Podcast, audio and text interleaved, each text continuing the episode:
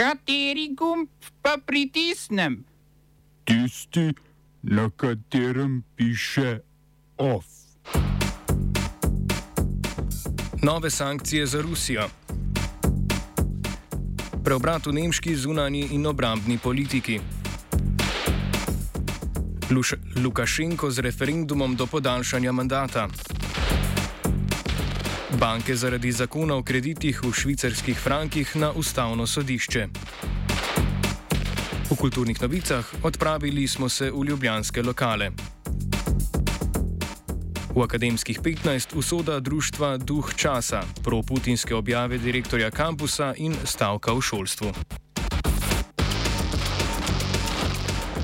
Teče peti dan vojne v Ukrajini. Po besedah ukrajinskega predsednika Volodimirja Zelenskega je to ključen dan za Ukrajino. Na ukrajinsko-beloruski meji so se danes začela prva pogajanja o končanju vojne, a obe strani sta na pogajanja poslali le nižje uradnike. Ukrajinski predsednik je sicer sporočil, da v pogovor ne polaga pretiranega upanja, a da je dolžan storiti vse, kar je v njegovi moči, da ustavi to vojno. Ukrajino je po podatkih Agencije Združenih narodov za begunce zapustilo že pol milijona ljudi. Ruska vojska se še vedno trudi, da bi zauzela Kijev, a jim to do sedaj še ni uspelo. Prav tako niso zauzeli nobenega večjega ukrajinskega mesta. So pa zauzeli Berdjansk, pristaniško mesto na jugovzhodu Ukrajine, obkoljeno pa je tudi mesto Mariupol, Danes se očitno povečuje število raketnih napadov na območjih s civilnim prebivalstvom, predvsem okoli Harkova. Ruski predsednik Vladimir Putin je v odziv na morebitno umešavanje zunanjih sil ukazal, da ruske jedrske sile preidejo v stanje više pripravljenosti. Kot je razbrati, gre zgolj za strateške jedrske sile in ne taktična jedrska orožja.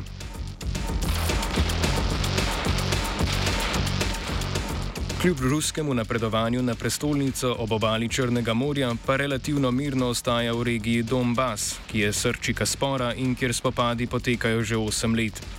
Prav na prošnjo Ljudske republike Donetsk je Rusija, po besedah predsednika Putina, začela vojaške operacije v Ukrajini.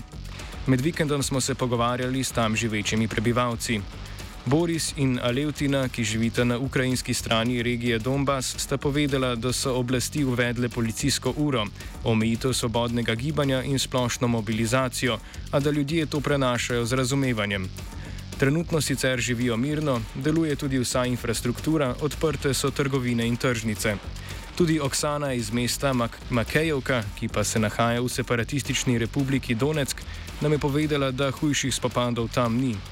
Dejala je, da so v trenutnih razmerah prepovedane ukrajinske institucije, Rusija pa je za finančno poslovanje uvedla rubel.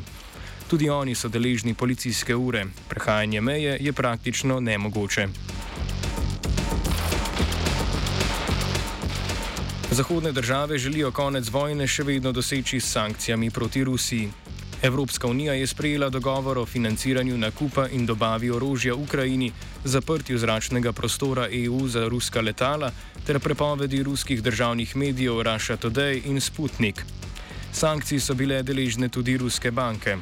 Ruski centralni banki so omejili sredstva, predvsem devizne rezerve, kar že vpliva na tečaj rublja, ki je izgubil več kot tretjino vrednosti.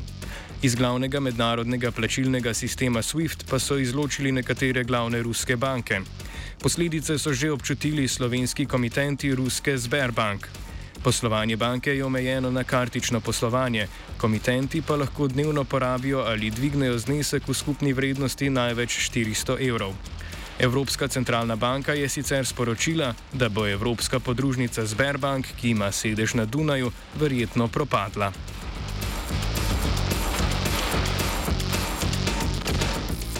Vojna v Ukrajini je sprožila tudi radikalen zasuk v nemški obrambni politiki. Nemški kancler Olaf Scholz je v govoru v Bundestagu sporočil, da bo vlada ustanovila nov 100-milijardni sklad za novo opremo nemške vojske in obljubil, da bo Nemčija od zdaj naprej presegala zahteve NATO po obrambnih izdatkih v višini 2 odstotkov BDP.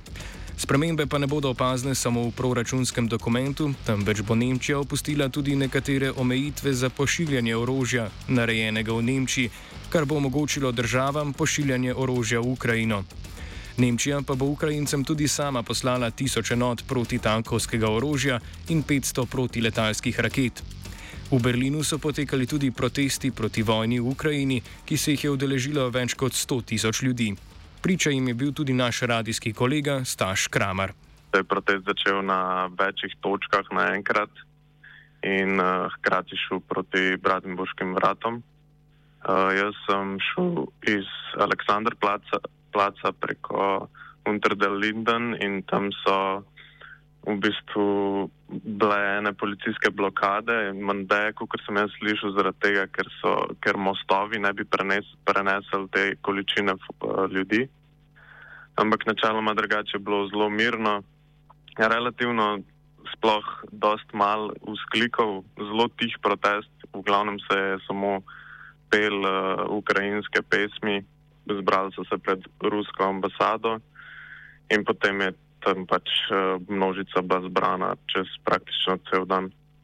Ampak je bilo pa zelo uh, intenzivno, zelo uh, tudi čustveno. Vsi so, mislim, je bila celotna množica v bistvu združena tako v tej želji, da, da bi se vojna nehala. No. Kar je mrtvo, ne more umreti. To velja tudi za belorusko demokracijo v teh vojnih časih. Belorusi so se v nedeljo odpravili na referendum, kjer so se izjasnjevali o predlogih sprememb ustave. Spremembe so bile po podatkih Beloruske državne volilne komisije potrjene skoraj dvotretinsko večino, medtem ko naj bi predlogu nasprotovala le desetina voljivcev. Ključna sprememba je povečanje vloge vse beloruskega državnega zbora, ki ga je ustanovil beloruski predsednik Aleksandr Lukašenko. Sprememba bi ustave to postaja pomembno vladno telo. Na ta način si Lukašenko, podobno kot Vladimir Putin leta 2020, odpira pot do podaljšanja mandata do leta 2035. Na referendumu sta bili potrjeni tudi možnost, da si država lasti jedrsko orožje in pa prisotnost ruske vojske na beloruskem ozemlju.